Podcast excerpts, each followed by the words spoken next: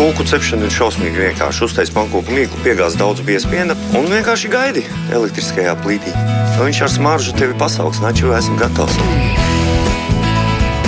Mēs tiekamies ģimenes studijā.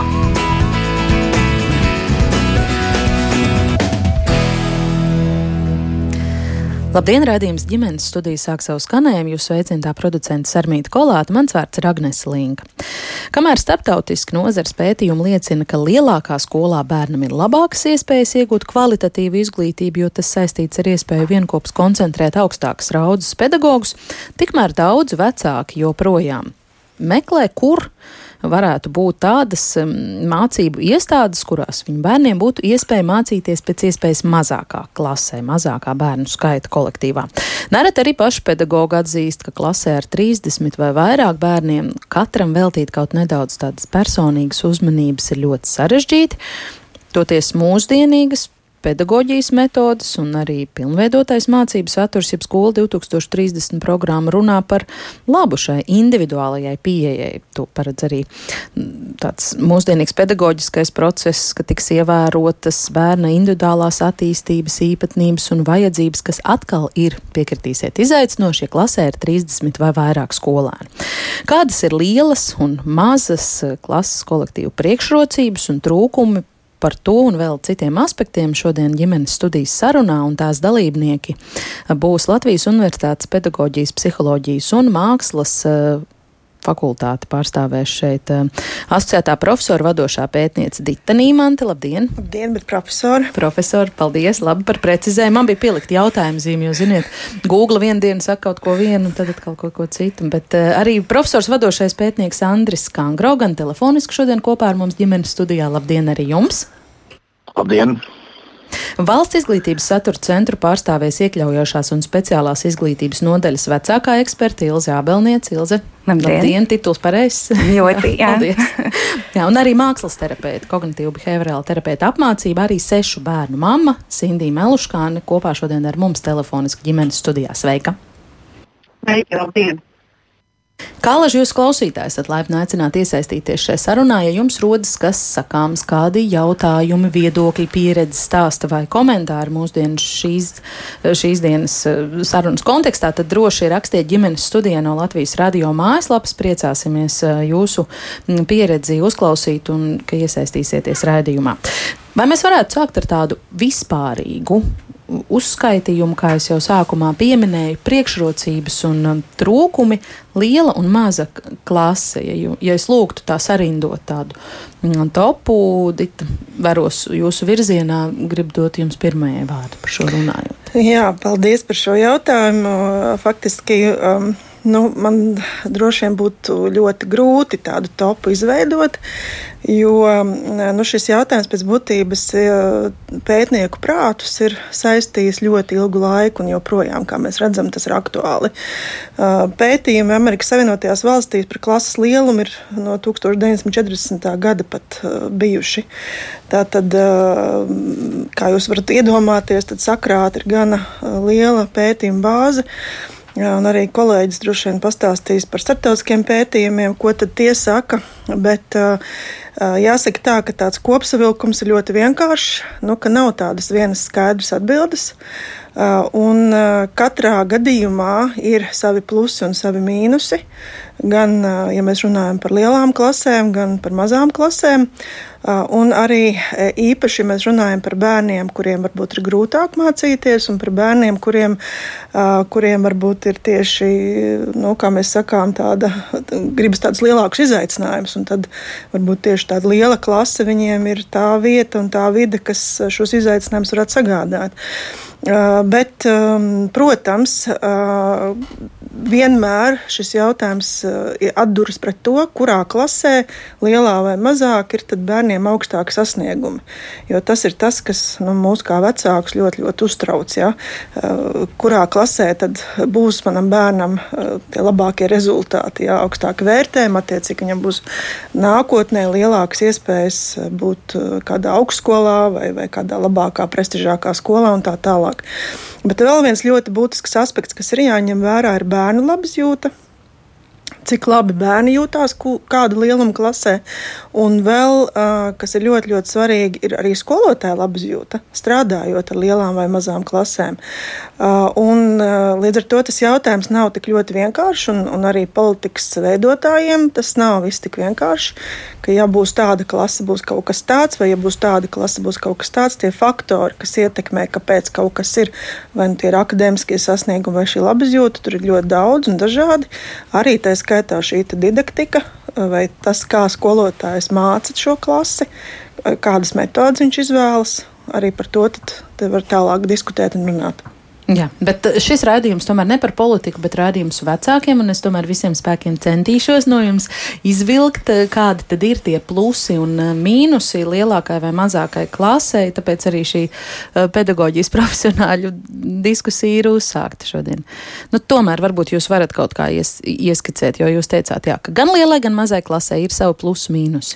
Nu jā, ja, ja nu jūs tā ļoti, ļoti gribat, tad, tad, tad lielai klasē, protams, kā jau teicu, ir, ir lielāki, lielāki plusi saistībā ar šiem, te, te, šiem, šiem te resursiem, kas tiek konsolidēti. Un, attiecīgi, protams, tad, jā, ir cerība, ka, nu, kā mēs zinām, Latvijā arī tas ir atalgojums un tā tālāk. Naudiņa seko skolai un bērniem, un, un tas to ietekmē. Bet, kā jau teicu, tad tie nu, arī vēl plusi varētu būt tiem bērniem, vismaz pēc pētījumiem, kuriem ir šie augstākie sasniegumi. Tas nozīmē, ka viņiem ir vajadzīgi šie lielākie izaicinājumi, kas, kas lielā klasē ir nu, tādi Iespējami. Lielāka iespējamība, jā. Savukārt, ja mēs runājam par šīm tiem, nu, mazākām klasēm, tad, protams, tur iegūmi ir skolēniem, kuriem ir šīs grūtības mācīties, Ir pētījumi, kas, piemēram, norāda, ka tādā veidā arī pat meitenes, varbūt mazākā klasē, ir labāk jūtas, un arī bērni no tādiem sociāli nelabvēlīgām ģimenēm arī tur varētu būt tādi lielāki iegūmi. Un tāpat arī šī skolotāja labizjūta un arī sadarbības prasmes savstarpējās skolotājiem ar skolēniem. Tas nozīmē, ka tādā mazākā kolektīvā to ir vieglā, vieglāk veidot, organizēt, uh, virzīt, uh, un mazāk arī iespējami, vismaz pēc pētījumiem, saka, ir mazāk arī šo uzvedības problēmu, mazāk ir um, nu, kaut kāda šī traucējošā uzvedība, uzvedības pārkāpuma. Ja, ja attiecības ir labākas, tad, kā mēs zinām, vienmēr šie, šie aspekti arī ir tie, kas jā, kad, kad, kad tas ietekmē arī mm. šos, šos aspektus. Jā. Mm -hmm. Jā, tā kā Dita šeit jau pieminēja, un šajā diskusijā Allaž tiek piesaukti arī izglītības eh, kvalitātes eh, mērījumi, tad es eh, kā nākamo lūkšu jūs, Andri, vispirms ieskicēt, mm, ko tad bieži pieminētais OECD veiktais PISA pētījums vēsta par mūsu Latvijas izglītības kvalitātes līmeni, un mm, vai šī vai kādu citu pētījumu datos arī varat uh, citēt. Nu, kāda ir tā korelācija starp to, cik lielās mazās klasēs mācās mācās bērni un kādi viņu mācību sasniegumi? Jā, uh, labprāt. Tā tad lūk, šis prominentākais OECD PISA pētījums 15 gadus vecs skolēni, 8. un 9. klases. Tā tad uh, rāda uh, vienu tendenci, jā, vidēji statistisku tendenci, korelāciju, tieši tā kā jūs sakat ka lūk, eh, mazās uh, skolas un mazās klases attiecīgi nu, nesakmē kvalitāti. Ir pilnīgi pretēji jā, šajā gadījumā. Tātad, jo ir lielāka uh, lūk, šī skola un klase, jā, jo ir augstāka kvalitāte. Nu, tādā nozīmē, ka mūsu skolēni labāk risina tos matemātikas, dabas zinātņu uzdevumus un, un, un saprotos tekstu uzdevumus kas ir PISA pētījumā. Ja? Tā tad ir šāda tendence. Bet ko nozīmē korelācija un ko viņa nenozīmē? Te nav arī pretruna ar to, ko kolēģi tikko teica ja? par citiem pētījumiem. Lūk, e, korelācija tas ir statistiski vidējā tendence. Ja? Bet e, šajā, tas nenoz, neizslēdz to, un tas ir arī fakts, ka ir arī ļoti mazas skolas un klases ar augstiem sasniegumiem, un ir lielas skolas un klases ar zemiem sasniegumiem jā, ir izkliede. Un tāpēc lūk, pareizi ir tas, ka mēs lūk, no šejienes tālāk seko lūk, tas, ka pilsēta lauki, ja pilsētās ir augstāki sasniegumi, un tad, un tad nāk šī nepareizā tēze, ka mēs likvidēsim vi, visas lauku mazās skolas un tam līdzīgi. Ja. To jau neviens nesaka. Šīs izkliedes, šīs statistiskās izkliedes dēļ, teiksim, tā, mums ir nepieciešams nu, kolēģiem, kas veiks reformu, ir nepieciešams individuāls skolas izvērtējums. Jā, individuāls. Un tad ir jau ne tikai skaits skolēnu, jā, un to jau neviens arī tagad nesaka, ne izglītības zinātnes ministrija, ne pašvaldība. Jā. Jo lūk, šajā izvērtējumā tad, mums ir pat jauns instruments tagad. Centralizētie eksāmeni arī pamatskolā tagad būs. Vidusskolā viņi jau ir. Citu OECD PISA pētījums skar pamatskolas, ja, vidusskolas, gimnāzijas. Viņš neskar sākuma skolas, ja, jo tas nav tas vecums. Ja. Tā kā, eh, šeit, ja runājam par to klašu lielumu, pētījumos tur arī svarīgi, kura klašu grupa. Ja, ir tāds ir pētījumi, eh, kā atsevišķi citi nepīzes pētījums, ja, un ne šie starptautiskie, ka, ka lūk, mazākas klases svarīgākas ir jaunākiem, ja, un, protams, ar īpašām vajadzībām un tam līdzīgi. Ja. Tā kā lūk, šāda ir tendence. Un labi, ka tā, tā no starptautiskiem pētījumiem no Pīzes izriet jau, jau desmitiem gadu. Un labi, ka beidzot tā ir notika, nonākusi politiskajā dienas kārtībā. Beidzot. Protams, tas nav, tas nav viegls jautājums. Ja? Varbūt es atļaušos šeit pieminēt to, ka uh, Igauni, kas ir ļoti augstu pīzes kopīgās rezultātos, nu, mēs tur esam arī virs pas, pasaules vidējā, bet uh, vidējais ar OECD. Ja? Tad Igauni šo skolu tīkla sakārtošanu jau ir uh, veikuši. Viņi ir piesardzīgi saka daļēji. Un lūk, tikko uh, prezidents Kāris bija šeit, uh, Igaunijas prezidents, un viņš intervijā Rēderam, Rēders tieši jautāja, ko jūs darīsiet ar mazajām skolām. Un viņš teica, ka viņš sagaida no šīs valdības, jaunās Igaunijā, ka tā turpinās reformas, jo šobrīd viņi šo mazo skolu Nu, bija jāsaprotams, bija, ka tas ir ekonomisko slogu, varot izturēt, bet drīz vairs valsts to nevarēšot izturēt. Tad es šeit pārēju mazliet vienkārši atzīmēju arī to otru svarīgo momentu. Ja? Kvalitāte un lielas mazas klases ļoti svarīga tēma šodien, bet tomēr otrs ir skaidrs, ka šīs mazās skolas un klases ir dārgākas. Šobrīd skan presē, es domāju, daudz diezgan datu no ministrijas un no pašvaldības savienības, kur var ticēt, cik cik dārgs ir viens skolēns mazā skolā. Ja? Jā, jā un bet, tur ir bet... mazas skolotāju algas, ja? un tur ir arī ļoti daudz par skolas ēku. Ja, to mēs, to mēs profesori, esam jau dzirdējuši. Piedodiet, ka es jūs, es jūs pārtraukšu, tomēr, jo es gribu koncentrēties uz to, ko, no, ko šajā tematā būtu vissvarīgāk saprast un secināt un zināt arī vecākiem. Reformas tur tāds detalizēts skaidrojums, tas varbūt tad, lai paliek politiķiem, bet, piemēram, vai jūs varat arī pāraksturot, es nezinu, varbūt kolēģis papildinās, vai, vai jums ir tādi dati, vai, piemēram, Latvija tā caurmērā vērtējot, mēs esam tādu lielu klašu valsts, citu valstu uh, ne, ne, ne, kontekstā salīdzinot, Mēs, vai mums ir izteikts vēl joprojām tās mazās klases? Ne, nu, protams, mazas. Un būtībā šeit jā, arī izskanēja uh, tā, tad, uh, nu, ļoti augstu ir Ķīna, jā, un Ķīnā ir milzīgas klases, ko viņi paši domā. Es īsti šobrīd nevaru pateikt par šīm klasēm, un tām līdzīgi redzēt, vidēji mēs esam mazas klases, un tāpēc jau ir šie arī momenti, kurus jūs sakat, nu, tas nav šādienas tēma. Bet, protams, tas, kas te izskanēja uh, sākumā raidījuma, ja mums ir 30 skolēni klasē Latvijā, un ir šādi gadījumi ja, populārajās vietās un skolās, un tur vēl ir iekšā uh, iekļaujoši ja, skolēni, kam ir zināmas īpašas vajadzības vairāk starp tiem 30 Nu, es domāju, tā ir neiespējama misija, lai mēs varētu skolotājiem prasīt vienam skolotājam šajā klasē, lai viņš uh, īsteno individuālo pieeju un tam līdzīgi. Nu, jā. Tas ir par daudz. Jā. Jā. Tas ir par daudz. Es domāju, ka 20, jā, un virs 20 kaut cik tas būtu pilnīgi pietiekami. Uh, ja runājam arī par šiem iekļaujošiem momentiem, tā ir skaitā, jā, kas mums šobrīd arī ir diezgan aktuāli. Tā kā Uh, bet vidēji jau, protams, šo mazo skolu un klašu dēļ mums ir, uh, mēs piedarām pie tiem mazajiem. Ja? Bet saprotiet, viss ir vidēji. Tāpēc es saku, ir jāskatās uh, jāskatās katra skola atsevišķi. Jā. Un labi, ka pašvaldības tagad to dara, jo ir notikusi teritoriāla reforma, un pašvaldības atkal ir iegūšas jaunu elpu, jau tīri pašas kaut ko skatīties ar šo skolu tīklu. Bet nu, tomēr sistemātiski un sistēmiski tas nenotiek. Jā. Un, un, un būtu labāk tomēr to darīt sistemātiski un sistēmiski. Jā. Ilze, eh, gribu arī jums dot vārdu un vaicāt, eh, kādi vēl jūsuprāt aspekti runājot par lielām, mazām klasēm, trūkumiem, priekšrocībām būtu jāņem vērā bez šeit jau izskanējušajiem? Mm -hmm. Droši vien pirmais, ko es gribu piekrist kolēģiem, absolūti, ka tur ir saistība ar piedarības sajūtu, sadarbību un drīzāk par tādu izglītības kvalitāti. Un arī tas pēc OECD datiem, ja mēs gribam skaitļus, tad jā, aptuveni vidējais ir 17, vidēji pārējās OECD valstīs ir 21, 23 sākuma skolām un pamatskolām.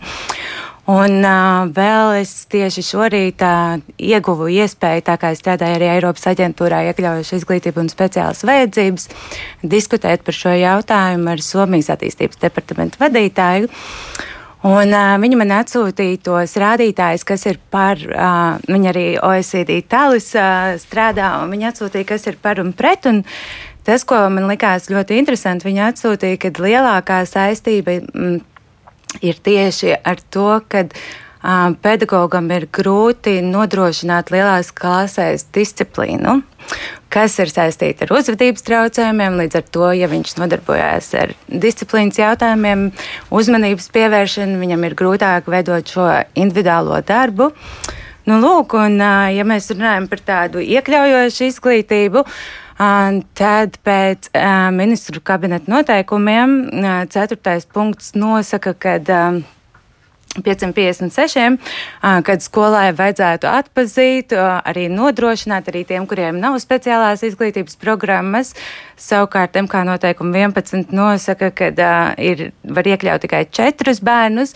Un man šķiet tā situācija, un, ja es nemaldos, ir tikai 3% no izglītojumiem apzināti ar speciālām vajadzībām, lai gan mēs saprotam, ka tie ir aptuveni 20. Līdz ar to tā reālā situācija, cik daudz bērniem ir nepieciešams atbalsts un cik tiek nodrošināts, ir ļoti, ļoti atšķirīgs. Un tam visam klāt es droši vien gribu teikt par to piedarības sajūtu, kad mazākās klasēs tiešām pedagogs var pievērst vairāk uzmanības, sniegt vairāk individuālu darbu. Nu, kas loģiski, pilnīgi. Jā, nu, pašsaprotami. Un uh, piedarības sajūta jau ir arī ļoti korelē un saistīta ar akadēmiskiem sasniegumiem, ar vēlmi pildīt sarežģītākus, ja viņš jūtas droši par tādu drošu vidi, kas būtu tāds priekšnosacījums mazām skolām. Un lielām tāpat kā citi saka, jā, tur es varu vairāk konkurēt, es varu izaicināt. Un, uh, tie dati ir dažādi, bet uh, tāpat kā nu, mēs viņus varam interpretēt, un man šķiet, ka katram bērnam arī ir pielāgojumi, kuram vairāk būs uh, labāka mazā skola, kurš ērtāk jutīsies li lielajā skolā, kurā viņš var sev visu laiku izaicināt. Uh, tas varētu būt vecākiem tā atbilde arī paskatīties, kāds ir man bērna individuālās vajadzības. Mm -hmm, jā. Vecāku uh, flanks ir pacietīgi klausījies. Uh, Sindī, paldies par to un gribu dot arī tev kā mammai vārdu un vaicāt, mm, kāda ir tava kā mammas pieredze šajā ziņā. Bērni ir ļoti dažādos vecumos un es zinu, ka jūs kā vecāki esat arī ļoti dažādas izvēles attiecībā uz to, kurā skolā viņiem mācīties savulaik eh, izdarījuši, vai tu vari lūdzu to pāraksturot? Jā, bet es varbūt gribu sākumā maz atsauci teikt par to, kas jau izskanēja. Droši. Ka, ja mēs runājam par to, ka ir, nu, tas pēc uh, statistikas Latvijā ir vidēji 17 bērnu klasē, tad es gribu teikt, ka šī realitāte noteikti ļoti atšķiras Rīgā un pārējā Latvijā.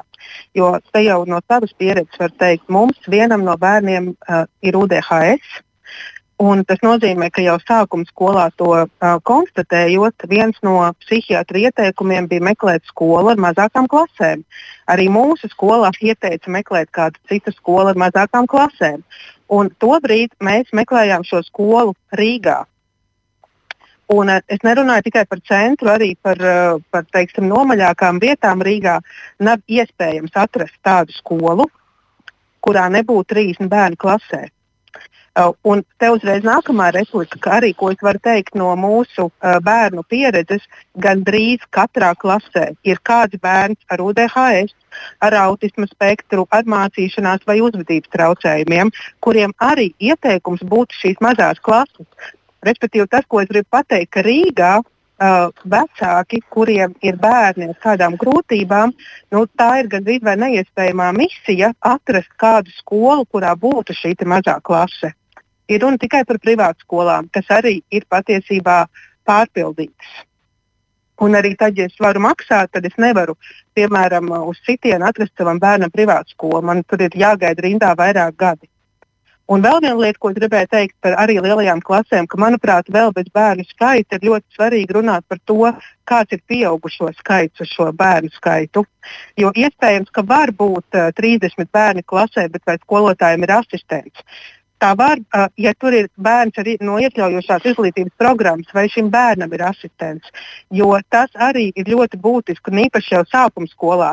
Um, tika minēts, ka šajā OECD pētījumā nav iekļauts sākuma skolas, bet uh, es kā mamma redzu to, ka gan kā mamma, gan kā speciālists, ka tās mazās um, klases ir ļoti būtiskas tieši sākuma skolā. Vidusskolā, man liekas, 30 bērni nav problēma. Galu galā viņi pēc vidusskolas dodas uz augstskolu, kur ir uh, auditorijas ar vairākiem desmitiem cilvēku, bet sākuma skolā tas ir ļoti, ļoti kritiski. Tāpēc, ka, piemēram, pirmajā klasē, ja viņi iet pusdienu pauzē, tad iespējams uh, pusdienu pauzē ārā, tad iespējams pilnīgi visi pirmklasnieki vēl pat nevar uh, saģērbties pietiekami paši. Un vēl viena lieta, ko arī ko esmu novērojis, un kas man liekas ļoti jocīgi, ka um, sākot mācīt svešu valodu, uh, un tas notiek jau pirmajā, otrajā klasē, ja ir lielāka klase, tad viņi tiek dalīti grupās. Respektīvi, piemēram, uz angļu valodu mēs pieņemam, ka angļu valodu ir vieglāk mācīties mazās grupās, bet par matemātiku, latviešu valodu, nu, par to šāds princips netiek piemērots. Un te es atkal gribu teikt vienu lietu, ka var jau būt arī tās, nu, teiksim, lielās klases, bet uh, jautājums ir par to, ka ir kaut kādi priekšmeti, kur ir vajadzīga iespējams individuālāka pieeja.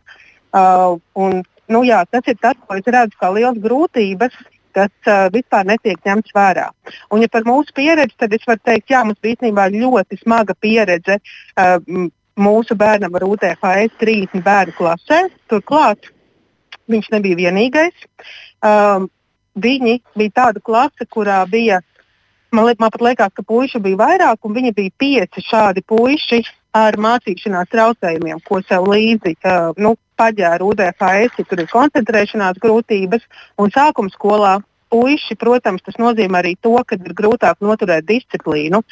Un, um, nu, tas bija īstenībā ļoti bēdīgs stāsts, tāpēc ka skolotāji netika galā, un to var saprast. Vien, es, es nekādā gadījumā negribētu likt akmeni skolotāju dārziņā šeit, tāpēc, ka, kā jau arī iepriekš tika minēts, uh, tikt galā ar 30 bērniem vienam um, pieaugušajam, un it īpaši, ja tur ir nu, bērni, kas grib uh, arī daudzīties, kas varbūt nevar noturēt to uzmanību tik daudz, tas ir neiespējami.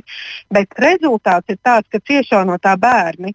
Jo, lai vai tas droši vien ir nenormāli grūts darbs skolotājiem, bet uh, kaut kādā ziņā viņi iziet saucām kājām no tā, bet šie bērni, kuriem ir šīs grūtības ar mācīšanos, ar uzvedību, viņi no pirmās klases tiek sistemātiski taisīti par tādiem kā grēkāžiem, par tādiem kā sliktajiem zēniem. Uh, mums Latvijā ir ļoti uh, iecienīta lieta līnča tiesas. Es pati esmu bijusi, es ļoti silti atceros klases vecāku sapulci, kurā nu, tieši šim dēlam ar UDHS, kur klases audzinātājs saka, nu, ziniet, mums ir tā, mums ir pieci zēni, kas traucē, stund, uh, kas traucē mācībām, un um, viens skolotājs neko nevar padarīt. Un tajā brīdī viens tētis saka, es tūlīt ar viņiem parunāšu. Un tas ir tas, kā īstenībā tā attieksme notiek. Respektīvi, ko, ko es sāku teikt, ka šī atbildība par to, ka no lielajām klasēm, no īpaši sākuma skolā, cieši bērni beigu beigās tiek novelti uz viņiem, uz viņu uzvedību, uz viņu grūtībām. Nu tā, tāds man īsumā komentārs varbūt par to, kas izskanēja. Jā, Ko piebildīsiet eh, Sindijas māmas teiktajam? Jā, man eh, šķiet, ka ļoti svarīgi arī tas, ko profesors Kangro minēja, un, un eh, es aizmirsu pateikt pie sākumā, ja, šī sākuma izglītība. Pētījumi ļoti skaidri iezīmē tendenci, ka, ka tieši akadēmiskie sasniegumi ir, nu, šeit ir atkarīgi no šī klases lieluma sākuma izglītībā. Tātad tomēr sākuma pirmā, ceturtā klase, pirmā, pirmā sastā, nu, vismaz, pirmā, vismaz, vismaz pirmā, ceturtā, iespējams arī pirmā, sastā klase, kur, kur tomēr šīs klases, nu, es teiktu, 30 jau ir, jau ir daudz par daudz. Uh, ir dažādi, protams, tie skaitļi minēti. Tiek skaitļi minēti pētījumos 15, skaitļi tiek minēti no, 20, no, no, 19, no 17 līdz 23, uh, kas, kas varētu būt tas samērīgais lie, klases lielums. Uh, bet, protams, te, kā jau es arī minēju, ļoti daudz dažādi ir citi faktori. Un, manuprāt, viens no tas, tiem svarīgiem faktoriem, ko jau mamma arī teica, um, nu, ko dara skolotājs. Un nav tā, ka skolotājs iziet ārā ar savām kājām no tās situācijas. Ja viņš tiešām grib kaut ko darīt ar to klasi, vai nu tajā disciplīnas jautājumā, vai nu arī mācību procesa organizācijas jautājumā, īpaši ņemot vērā šīs visas jaunās metodas un pieejas, par kurām mēs tagad runājam, Skola 2030 eh, kontekstā. Tas nozīmē, ka viņam ir jāmaina sava didaktika, viņam ir tiešām jāveido diferencētas nodarbības, viņam ir jāstrādā ar mazām grupiņām, eh, eh, iespējams, vēl daudz un citas metodas, ko var izmantot, bet tas ir jāplāno, tas ir jāmaina arī tāda sava domāšana, un, un tam ir, ir jāiegūt diezgan liels darbs, lai tā sistēma, kā sistēma sāktu darboties klasē, kā didaktika. Un tajā brīdī skolotājiem pēc tam arī visus tos darbus darbus labojot kaut vai, ja, strādājot ar, ar šiem mājas darbiem, labojot, viņam arī ir vairāk laika nepieciešams, lai to izdarītu. Tā kā tur nāk klāt arī šie tiešām izdegšanas jautājums, un tas skolotājs neiziet ārā ar savām kājām. Mm. Viņam strādājot lielā klasē, lai gan viņš īsteno šo pareizo didaktiku, viņš vienalga ātrāk arī izdeg. Tā kā es tiešām domāju, ka šajos gadījumos ir, ir jārunā par to atbalstu. Eh, un, un eh, ne tikai par asistentiem, kā asistentiem bērniem ar, ar invaliditāti, ja, kur valsts piešķir šos līdzekļus, jo tā lielākā problēma ir tā, ka, ka pašlaik eh, nu, tikai tas ir tā, faktiski no pašvaldības atkarīgs, vai pašvaldība piešķir šos papildus līdzekļus bērniem, kuriem ir tieši uzvedības traucējumi, jo viņiem vislielāko, lielākā vairumā gadījumu nav invaliditātes, mm. bet viņi rada klasē nu, vislielākās grūtības skolotājiem. Tad tur arī nav šo papildus resursu. Un, uh, tad arī skolotājs izdeg un skolotājs aiziet prom no skolas. Tas nav viss tik, eh, nu, tik vienkārši un viennozīmīgi. Mm -hmm. Un pie tam, kā Ilza pirms brīža pieminēja, tikai 3% no visiem, kuriem ir eh, vajadzīgs mācību atbalsts. 43 bērni šobrīd apzināt. Latvijā ir 5-7 programmā ar uzvedības traucējumiem. Mm -hmm. um, Tas... Viņi nav apzināti, tāpat kā arī mamma teica par to, ka um, ir pieci bērni un vairāk, un droši vien tas nav par. Uh, klases izmēru, bet gan par mācību procesu nodrošināšanu, par kvalitāti. Kas tad ir tas, kas bērnam kaut ko dos vai varēs sasniegt? Un, lai to nodrošinātu, ir skaidrs, ka pedagogiem nav pietiekami daudz resursu. Viņš nevar sagatavoties, izglītoties, nu, visu izdarīt 30 bērniem, un arī tas laiks nav pietiekami. Mhm. Un īpaši, ja domā par kaut kādiem nu, tādiem starptautiskiem uh, pieredzēm, tad viņi vienmēr saka, ka laba izglītība ir tad, ja visos rajonos, reģionos mēs nodrošinām ekvivalentu izglītību vai Rīgā, vai Latgalē, vai mazā skolā. Un droši vien, kad, uh, ja mēs runājam par kaut kādām reģionu skolām, tad tur vienkārši nav iespējams pietiekami daudz speciālisti, lai sniegtu atbalstu pasākumus, un arī Rīgā ir pietiekami ilgas rindas. Un, Un arī, lai īstenotu, man liekas, ir tāds ilgstošs mācību process, un es gribētu ļoti pieti, pieķerties tai mammas teiktam, kad linča tiesa, un tas nav tikai par pedagogu ne, neiecietību, nespēju vai, vai kaut kādā ziņā nevarēšanu, bet tas ir arī no mūsu kā sabiedrības ļoti daudz attieksmi. Mēs nepieņemam, ka varētu būt grūtības, mēs negribam speciālo izglītības programmu, kas ir saprotams no vecākiem, citiem ir dažāda attieksme, un tas ir ļoti ilgstošs process, kamēr kaut kas tajā visā var sakārtoties vairāk. -hmm. Andri, ko jūs domājāt, klausoties mammas stāstītajā un šeit kolēģi teiktajā? Uh, jūs man jautājat? Jā, jā, jā, varbūt ir jā. kādas replikas tātad, par izskanējušo. Nu, pirmkārt, pirmkārt tātad, jau no 90. gadu vidū no starptautisko pētījumu rezultātiem mēs rakstījām ka sākuma skolas jā, var būt mazākas. Tām jābūt tuvu, pēc iespējas tuvāk bērnu dzīves vietai. Bet nu, tās arī ir jāstiprina, jā, lai pēc tam tie skolēni var no turienes saka, sākt iet nākošajā izglītības pakāpē. Ja? Tas, tas, ko kolēģis šeit teica, pareizi. Ja? Jā, un mēs arī, nu, mēs arī runājam par to, ja, un māma arī akcentēja, ka sākums skolas Rīgā ir ar šiem 30 plus jā, bērniem. Ko nu, tad domā tiem nu, vecākiem visā šajā klausoties? Kā norientēties? Nu, Nē, es saprotu, jā, nu, vecākiem jautājums jau ir par skolu tīklu, ja, jo tad, to jau arī vecāki tad, uz to skatās. Ja, un, un, iespējams, ka mēs varam tā pateikt, ja mēs tagad runājam par skolu tīklu optimizāciju, atkal mēs uzreiz vienmēr tā, tā būs mazo skolu slēgšana vai apvienošana tā, tā tālāk. Nē, nu, varbūt tā varētu būt arī lielo skolu optimizācija uz mazo pusi, nu, piemēram. Nu, tajās vietās, kur nu, kur uh, mums ļoti nevienmērīgi. Mēs visi zinām, ka ir ļoti populāras ja, skolas un vietas un tam līdzīgi. Jā. Tas ir viens. Un šī te, ko kolēģi pieminēja, pilsētas lauki, jā, tas ir viens no rādītājiem, kas te ir saistīts ar to, ko mēs runājām. Jā. Bet tas ir saistīts ar teiksim, arī sociālo-ekonomisko stāvokli, ja pilsētas lauki, ja star atšķirības. Jo, jo pilsētās parasti ģimeņu sociālo-ekonomiskais stāvoklis ir augstāks. Tad tas, ko es teicu par pīzu, tas attiecās jau uz korģētiem rezultātiem. Tur ir jau matemātiski izrēķināts, ka sociālo-ekonomiskais stāvoklis būtu vienāds Ja? Tajā lielajā un mazajā skolā, lielajā skolā, pilsētā un mazajā skolā laukos jau vienalga ir kvalitātes atšķirības. Ja? Kā, bet lūk, par to pilsētu lauku, jā, tas ir labs rādītājs, kas rāda, kā valsts strādā ar skolu tīklu. Un atkal man jāpiemina, ka Igaunijā vairs gandrīz nav atšķirības starp izglītības kvalitāti, PISA pētījumā, pilsētās un laukos. Jā. Iepriekš viņiem arī bija tāda ievērojama diezgan atšķirība, kura mums vēl ir un ir saglabājusies. Jā. Un tas atkal būtu jau pamatskolas, vidusskolas gimnāzijas. Ja. Nav atšķirību, man, arī, nav atšķirība arī starp lielām skolām un mazām skolām vienās un tajās pašās vecuma nu, grupās. To es precīzi nepateikšu. Jā, tie ir iekšējie dati. Jā. Bet es domāju, ka viņas ir ļoti daudz mazākas. Jo, jo tas, ka laukos viņiem ir mazas skolas, un kā teica viņu prezidents, arī pie tā vēl jāstrādā, jo tās dārgas, tad, tad eh, noteikti es domāju, ka tas to arī nozīmē. Ja? Bet tiešā veidā tos datus skaitliski es esmu redzējis par pilsētu laukiem. Ja? Nu, kas arī atspoguļo to, ka pilsētās ir šīs skolas lielākas, kā tagad mēs te sakām. Mm, Rīga, Rīga, Rīga, Rīga jā, un tam līdzīgi. Nu, labi, Igaunijā varbūt trīs lielākas pilsētas vienādas. Bet, tā kā jā, es domāju, ka tāda atbilde arī ir uz to, ka viņiem eh, šī atšķirība noteikti ir mazāka. Ja? Jā. Es tikai ātri atgādināšu, ka ģimenes studijā mēs šodien runājam par to, kādi ir trūkumi un priekšrocības lielām un mazām klasēm, jo par spīti tam, ka galvaspilsētā skolas jau ir lielas, ļoti daudz vecāki arī šeit meklē bērniem iespēju maza mācīties mazākās klasēs. Toties izglītības pētījumi rāda, ka lielākā skolā, kur lielākas klases skolēniem teorētiski ir iespējas iegūt kvalitatīvāku izglītību un šo vecāku dilēmu, tad mēģinam nedaudz palīdzēt risināt šodien ģimenes studiju studijā.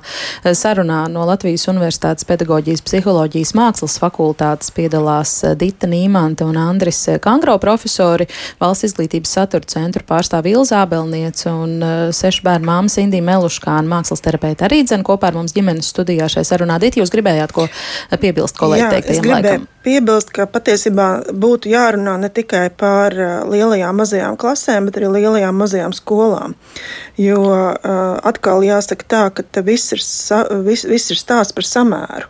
Jo arī pasaulē, piemēram, Amerikas Savienotajās valstīs, viņi šo, savukārt šobrīd iet, cenšas attālināties no šī lielo skolu principa. Jo kaut vai atkal var atsaukties vienu 2015.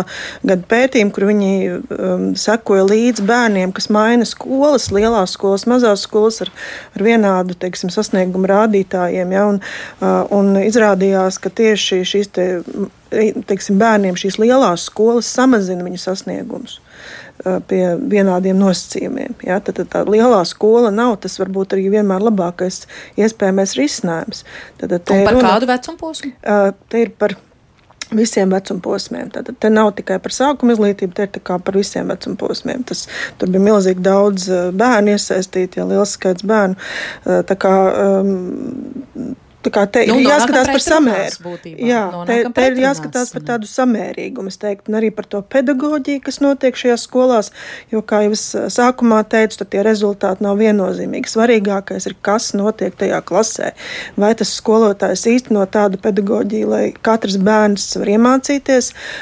Un, protams, ir jāsaprot to, ka lielā klase, kur ir daudz bērnu, skolotājiem ir tendence izvēlēties tādas metodas, kur bērns ir mazāk aktīvs, kur viņš sēž un klausās, un kur skolotājs stāsta. Un tad tā uzmanība ir ļoti svarīga un noteicoša. Bet, piemēram, mazākās klasēs varbūt tur arī ir iespēja šīs dažādas metodes, aktivitātes, kur bērniem ir iespēja arī labāk noturēt šo uzmanību, labāk koncentrēties un tā tālāk. Tā kā te ir arī jāskatās nu, ļoti komplekss, nevar tā viennozīmīgi uz šiem jautājumiem skatīties. Mhm. Ilgs vēl kas piebilstams? Es droši vien vēl gribēju piebilst vienu svarīgu aspektu - sadarbību ar ģimeni.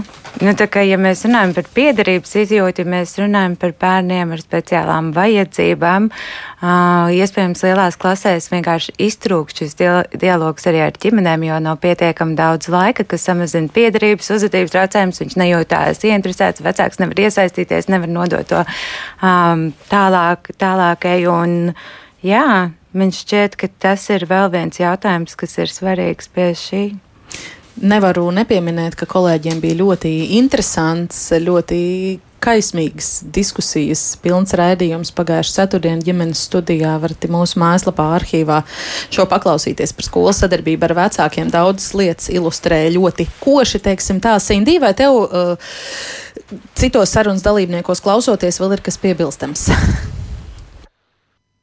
Uh, es, nu, Droši vien tas uh, skumjākais ir tas, ka es neredzu, ka es, nu, es īstenībā neredzu nevienā uh, pusē, piemēram, ja mēs runājam par Rīgu, tad es neredzu uh, risinājumu. Teiksim, es neredzu risinājumu tuvākajā desmitgadē.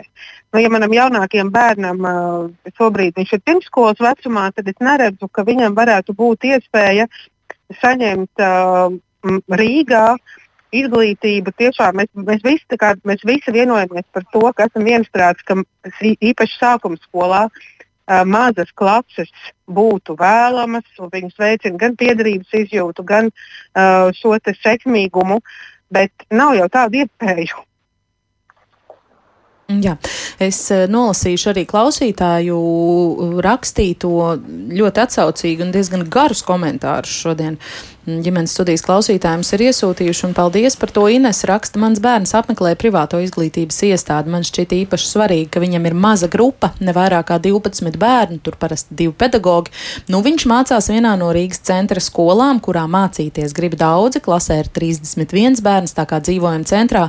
Arī meitai gan jau atliks šīs centra skolas ar lielajām klasēm, bet arī viņa apmeklē šo dārziņu ar mazo grupu. Esmu pārdomās. Varbūt tad ir lieki un nevajadzīgi bērnus ielikt ielikt šādos, var teikt, siltumnīcas apstākļos, redzu to lielo starpību. Dēls, protams, izjūt, un jo īpaši pirmajā klasē viņam bija grūtības piemēroties. Tā raksta Inese. Arī Anna saka, meita mācījās Rīgā, sava rajona skolā, kas skaitās pieprasīt un prestižu. Pirmajā klasē bija 33 bērni. Mācība temps ātrs un pēc skolas vēl mājas darbu kalni. Mans bērns ir saprātīgs, bet lēnīgs sapņotājs, un ja es nebūtu burtiski sēdējis blakus pirmos pāris gadus būtu tā teikt auzas. Faktiski pildīja skolotāja lomu, turklāt ļoti bieži bija jūtams, ka ar mājas darbiem cenšas aizpildīt stundās nepaspēto. Man pašai bija jāmācās, lai atcerētos pirmo klašu vielu un varētu palīdzēt bērnam saprast. Tāpat laikā vairāk jauki un visādi citādi forši bērni, kuriem diemžēl vecāki nevarēja sēdēt blakus, ātri kļuva nesakmīgi, palika uz otru gadu vai aizgāja no skolas vispār mācīšanās prieks bija sabojāts. Iespējams, ka neatgriezeniski.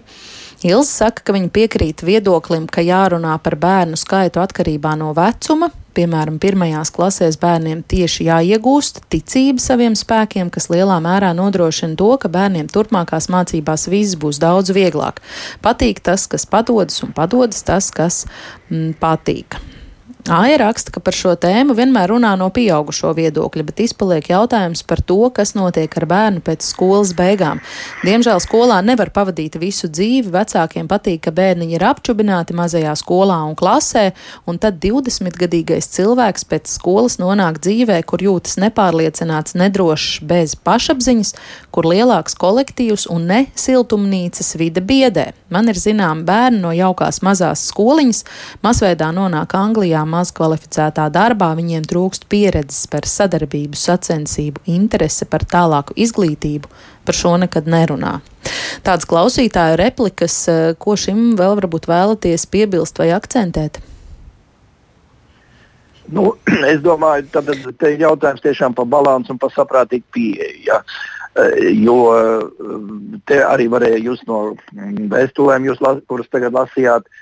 Tātad jautājums tiešām ir par to, ka nu, daži skolēni klasē, ja, un apvienotās klases, kā mēs pat dzirdam, otrā, ceturto un tā tālāk medijos var lasīt, ar ko tagad pašvaldības strādā, ne Rīgā, cik es saprotu. Ja. Nu, tas tomēr ir otrs ekstrēms. Ja. Tur arī, lai tā ir sākuma skola un pirmās klases, tur patiešām var iznākt tas, kā pēdējā vēstulē jūs lasījāt, ja, ka tur tas skolēns nu, ir kā ir tuvu mājām, un tur, viņam tur nekas nav, bet kā viņš tālāk, kāds būs viņa dzīves ceļš. Ja? Nu, un savukārt, eh, ejot, ejot tālāk pa izglītības pakāpēm, protams, nu, nu, nevajag Latvijas apstākļos, kā šobrīd mēs runājam, ka mūsu atbalsta personāla nav tur runāt par tām 30 un tā tālāk. Viņš runā par tādu diemžēl realitāti, un mēs zinām, atkal, kāpēc tas ir. Tad ir populāras skolas un ir vietas, kur ir bērni un kur nav. Ja, bet, nu, nevajag 30. Ja, tā tad jautājums tiešām, ja ir runa par iekļaušanu, ja, tad eh, cik tie bērni tur ir tādi klasē un arī tad, uh, ir jau nu vēl par vienu skolotāju vai pat pārējo palīdzību personālu, kas uz to attiecās. Un tas ir, tas ir būtībā obligāti. Ja. Jo citādi ir tā pārstrādāšanās un izdegšana, Un tas eh, tie vārdi par to, ka skolotājs 30 bērnu klasē tik dažādā klasē ar dažādiem bērniem, ka viņš individuālo pieeju realizēs un vēl nezinu, kādus materiālus iztaisīs ja, uz katru stundu jaunus. Nu, nu, saprotiet, nu, tā mēs varam tikai runāt. Ja, tas, tas realitātē rada, es saprotu, mums šobrīd nu, gandrīz vai krīzes situācija. Jā, bet tāpat laikā jūs sakāt, nevajag 30, bet tā ir tiešām galvaspilsētas realitāte. Katrā, katrā sākuma skolas eh, klašu grupā ir tie 30 un ir 4, eh, 5 un varbūt vēl vairāk, eh, kuriem ir vajadzīgs atbalsts neesošs. Tad, tad, tad tam atbalstam ir jābūt atbalsta personālu. Kā saka, jūs esat lielāks speciālists. Viens risinājums ir šis papildus resurs, kas ir. Es atvainojos, piedodiet, tad tagad Ditai dosim vārdu. Jā, jā. Dita arī jā. gribēja ko komentēt. Jā, Tātad, ja tās ir lielās klases, kā mēs saprotam, finansiāli apsvērumu dēļ, ja, tad uh, tas ir papildus resursu klasē, kas nāk iekšā. Tad uh, tie ir skolotāji palīgi, kuri uh, iesaistās, varbūt ne katrā stundā, bet tomēr iesaistās un atbalsta, jo tas ir arī, tas ir arī um, tā ir iespēja atsevišķos gadījumos ar bērniem strādāt individuāli un viņiem palīdzēt apgūt šīs te, viņu trūkstošās esošās eh, prasmes un kompetences, kas viņiem ir, lai veiksmīgāk sadarbotos, ja mēs šeit runājam par bērniem ar speciālām vajadzībām, tad uh, tas ir tas risinājums, ja mēs paliekam uh, pie šīm lielajām klasēm. Kaut gan es tiešām uzskatu, ka sākuma izglītībā tā tam nevajadzētu būt. Es pati esmu tas produkts, ja padomu laika, kad es mācījos klasē, kurā bija 45 bērni. Uh, un, uh, jā, nu tādas klases. No pirmās klasītes. Jā. jā, jā, tādas lielas klases toreiz bija. Tas, tas bija rajona skola un tā tas, tā tas bija. Neviens pat neiedomājās, ka varētu būt citādāk, ja, bet nu, tie ir citi laiki, cita situācija. Uh, bet um, jā, es, es, es, es saredzu, ka šis ir tas īstais ceļš, īstais virziens virziens. Varbūt ne katrā stundā, ne katrā, nu, jā, bet arī tajos pamatpriekšmetos es arī tāpat domāju, ka tas ir visbūtiskākais. Lasīšana, jā, las, rakstīšana, rakstīšana, lasīšana, mm -hmm. matemātika, dabas zinības, tas, ko mēs pēc tam arī nu, vērtējam gal galā visos pēc tam, jā, šajos pētījumos. Ir mums dati par to, cik klasēs Latvijas vai Rīgas skolās ir skolotāji palīgi jūs pieminētie? Es tādus datus laikam es esmu redzējis, bet tieši šobrīd nepateikšu. Jā, jā, es zinu, ka katrā pašvaldībā tas ir atšķirīgi, jo ir pašvaldības, kas pašas ir gatavas finansēt. Piemēram, es zinu lielisku piemēru par to pašu, droši vien jau dzirdēto Vaivaru pamatskolu, kur finansē šādus te palīgus, un mēs regulāri ar studentiem viesojāmies šajā skolā. Bet, nu, Vaivaru pamatskolā es baidos kļūdīties, šķiet, ka 30 bērnu tomēr klasītē Klasē nav. nav, bet tur ir ļoti liels spektrs šo bērnu speciālām vajadzībām, un tieši tāpēc viņi tur atrodas. Un, un desmit gadu laikā es redzēju to brīdi, kad klasē bija viens skolotājs, tad tagad es uh, esmu piedzīvojusi, ka tur ir divi pat skolotāji, un dažreiz pat trīs skolotāji klasē. Tā kā es domāju, ka tas varētu būt tas ceļš ne jau visās stundās, Ja, bet ir kaut kādas noteiktas stundas, kurās tas, šis papildus resurss uh, ir. Vienīgā problēma, kas Latvijā ir skolotāju palīgiem, ir tāda, ka viņiem viņi netiek speciāli nekā sagatavoti. Nav arī profesionālais standarts uh, viņiem. Ja, tā kā tie paši laiki ir tie skolotāji, kuri nu, piestrādā. Ja. Mm -hmm. Es laikam ļoti gribēju pieli, nu, piebilst to, ka jā, skolotāji palīg būtu resursi, jo skolotāji tiešām ir izteguši, noguruši, un viņiem ir daudz izaicinājumu visu laiku, jaunas programmas, jaunas specializācijas, papildus iekļaujošā izglītība, viens otrs traucējums, ko iepriekšējā izglītības programmā viņi varbūt nebija apguvuši papildus visu laiku kursi un visu laiku tāda izglītošana. Bet uh, es zinu, ka daudzās valstīs ir nevis uh, tikai skolotāji palīgi, bet speciālie skolotāji, kuriem ir vismaz maģistra grāts un vismaz piecu gadu pieredze speciālā pedagoģijā. Viņi nāk, kad ir nepieciešams kāds konkrēts traucējums. Viņi iedod jau konkrētas metodas, kas ir ilgstoši strādājušas, kas varētu respektīvi nodrošināt pedagogiem arī pietiekami daudz ārējos resursus, speciālistus, speciālos pedagogus, logopēdus, vai arī, nu, es zinu, daudzās valstīs ir autismu atbalsta centrs, kur notiek vesela izvērtēšana. Tā ir ļoti daudz dažādi veidi, bet um, Tā kā teicu, tas prasa ļoti daudz laika, jo mēs nevaram nodrošināt pietiekami daudz pedagogus, kur nu vēl sagatavotus speciālistus. Un, un atbalsta mēs... personāla trūkums milzīgs īstenībā. Tas ir tas, ko mēs dzirdam šeit katrā mm. otrajā raidījumā. Es vēl nolasīšu arī Daina komentāru. Daina, Dainas raksta, ka skolas un klases mācību kvalitāti nenosaka skolēnu skaits. To nosaka skolēnu spējas apgūt mācību vielu. Mācību kvalitātes mērījumi zināmā mērā ir nepareizi, jo tiek mērīts iegūtais rezultāts. Ne netiek ņemtas vērā skolēnu spējas. Mazāk klasē, mazāk spējīgiem skolēniem ir iespēja saņemt lielāku izaugsmu nekā lielā klasē, bet tas netiek eh, mērīts. Neviens no izglītības kvalitātes mērījumiem neņem vērā izejas situāciju, skolēna spējas, kā ir uzlabojusies skolēna individuālā izaugsme. Strādājot skolā, tiku novērojis, ka tie, kuriem eh, ir labākas sekmes, progresē daudz mazāk nekā tie, kuriem ir vājākas sekmes, bet viņu spējas iemācīties ir mazākas. Uz mazām skolām daudzās pašvaldībās nosūta tos skolēnus, kuriem ir grūtības mācīties, un tur viņi progresē labāk nekā lielajās klasēs. Iznīcinot mazās skolas, tiek sagrauta iespēja progresēt tiem, kuriem ir mazākas spējas, jāņem vērā skolēnu spējas iemācīties un apgūt mācību vielu. Iekļaujoša izglītība jau ir arī apdāvināti bērni, kuriem ir nepieciešams papildus atbalsts un, un dažādas citādas. Tas nav tikai pie bērniem, kuriem ir grūtības. Mm.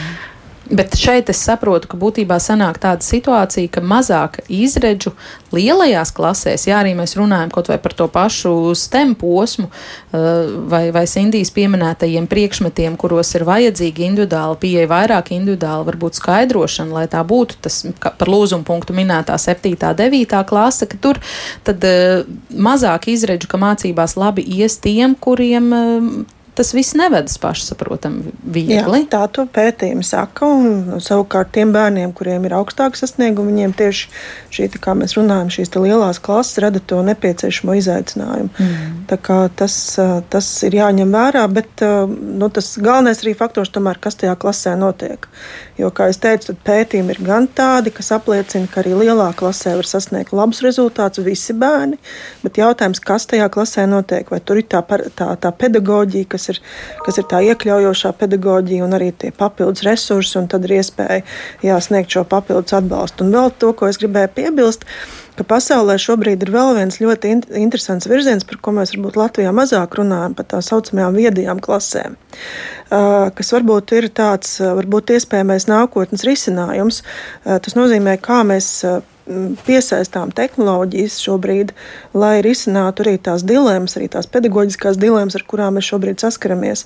Un es domāju, ka tā viedā klase kurā lūk, mēs nodrošinām šo personalizēto mācīšanos, individualizāciju, kas ir kā rezultāts. Ja, tad, tad tas varētu būt kā viens no tādiem nākotnes risinājumiem. Nu, pavisam īsi, kā tas notiek? Tas, tas ir skolotājs no, ekrānā. Tas, viens talantīgs skolotājs māca daudzus, nezinu, novadu. Iespējams, fiziku. nē, tas tā, tā gluži nav. Nē? Tas nav tā kā, kā apvienotais. Tas nozīmē, ka ir izstrādātas šīs individualizētās programmas vai plāns skolēnam, un viņš sadarbojas ar, ar piemēram, Datorā ir izstrādāta šī programma, kur viņš seko līdzi, un viņš saņem atgriezenisko saiti uzreiz par to, cik viņam ir veicies vai nav veicies.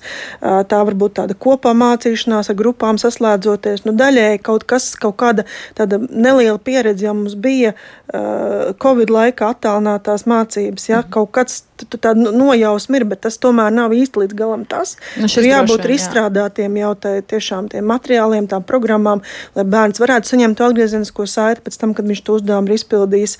Un tur, tur gan tas klašu lielums ir tās virtuālās klases, tur pat ir pat 30, 40 bērniem, un tur ir diezgan liels efekts arī pētījumos. Tā, tā ir nākotnes iespējas, ko mēs varētu uh, iet arī bērniem, kuriem ir kādas speciālās vajadzības, jo, kā mēs zinām, tad viņš iespējams ar, ar datoru labāk ir gatavs sadarboties nekā ar vienu skolotāju, kas stāv priekšā un mhm. stāsta kaut ko.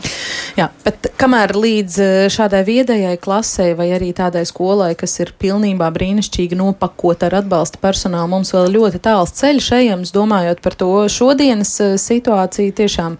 Um, Man, rezumējot, rodas eh, sajūta, ka jo dziļāk mežā, jo vairāk koku, un tiešām situācija ir ļoti paradoxāla. Sindija, varbūt es tevi lūgšu rezumēt, kā, kā, kā mm, mammai šo visu dzirdēto. Nu, es varu teikt kaut ko līdzīgu, kā es teicu iepriekš, ka mēs, kad speciālisti visi ir vienisprāts par to, ka uh, Uh, mazās klases, ja mēs runājam par sākuma skolu, tad mazās klases ir labāk, tur to plusu ir vairāk. Tālāk to var skatīties atbilstoši klašu grupām un, un, un vajadzībām. Un kad nu, ļoti nu, ka katastrofāli pietrūkst pieaugušo uz bērnu skaitu klasē. Tas būtu varbūt tas arī, ko es nu, izlogu no šī. Bet, uh, ļoti grūti. Mēs runājam par skolotāju asistentiem. Es nezinu, tā varbūt arī ir utopiska ideja, bet, um, piemēram, to, par to pašu UDHS runājot, ka arī tur reizēm ļoti palīdz, ja, piemēram, tam bērnam ir kāds, kas sēž blakus, uh, un ka viņam ir mazāk iespēja to uzmanību veltīt kaut kur uz citām malām, tad viena lieta ir skolotāja asistents, bet varbūt, varētu paplašināt arī to bērnu skaitu, kas var saņemt individuālos asistentus. Jo šobrīd uz individuālajiem asistentiem pretendēt var tikai ar invaliditāti. UDHS nav diagnoze vai teiksim, citas, varbūt arī tas var būt kā kāds risinājums. Jā. Vai kādam vēl kāds pēdējais vārds bilstams? Profesor, nu, mākslīgais ja intelekts te varētu daudz ko izdarīt, jo šobrīd tur ir revolucionāra situācija, bet tā ir citas raidījuma tēma. Un nav jau arī vēl risinājumu, bet um, apziņa, es domāju, ir diezgan stipra šobrīd, ja, ka, ka tajā skolēnu vērtēšana atgriezeniskajā saitē un pat tiešām varbūt. Varbūt Dievs dos, mēs daudzas no šīm it kā neatrisināmām problēmām pieminētās mums atrisināt, palīdzēs tuvākā laikā atrisināt mākslīgais intelekts. Tas nenozīmē, ka viņi attīstīs katru skolu atsevišķi. Ja? Tā viņš neattīstīsies. Mm. Bet cerības ir. Cerības ir, protams, uz šādas nots arī gribētos pabeigt pavisam īsi. Jā, pavisam īsi es gribētu teikt, ka atbalstam lūdzu skolotājus, lai viņi neizdegtu neaizmuktu no skolām, jo tiešām. Ja tas vēl nav noticis. Ja tas vēl nav noticis, jā. Paldies eh, par sarunu ģimenes studijā. Es šodien saku Latvijas Universitātes pedagoģijas psiholoģijas mākslas fakultātes eh, profesoriem Ditai Nīmantai un Andrim Kangro valsts izglītības satura centra iekļaujošās speciālās izglītības nodaļas vecākie ekspertei Ilzai Jābel pavēlniecei un arī mākslas eh, terapeitei sešu bērnu māmai Sindijai Meluškānei par sarunu šodien ģimenes studijā. Paldies! Un rīt ehm, kāds cits temats jau nesen veidojot eh, kārtējo sarunu par vardarbību ģimenē, mēs pamanījām, ka mm, diezgan daudzi vīrieši raksta ģimenes studijai apšaubot problēmas apmēru, tāpēc rīt aicināsim viņus par šo.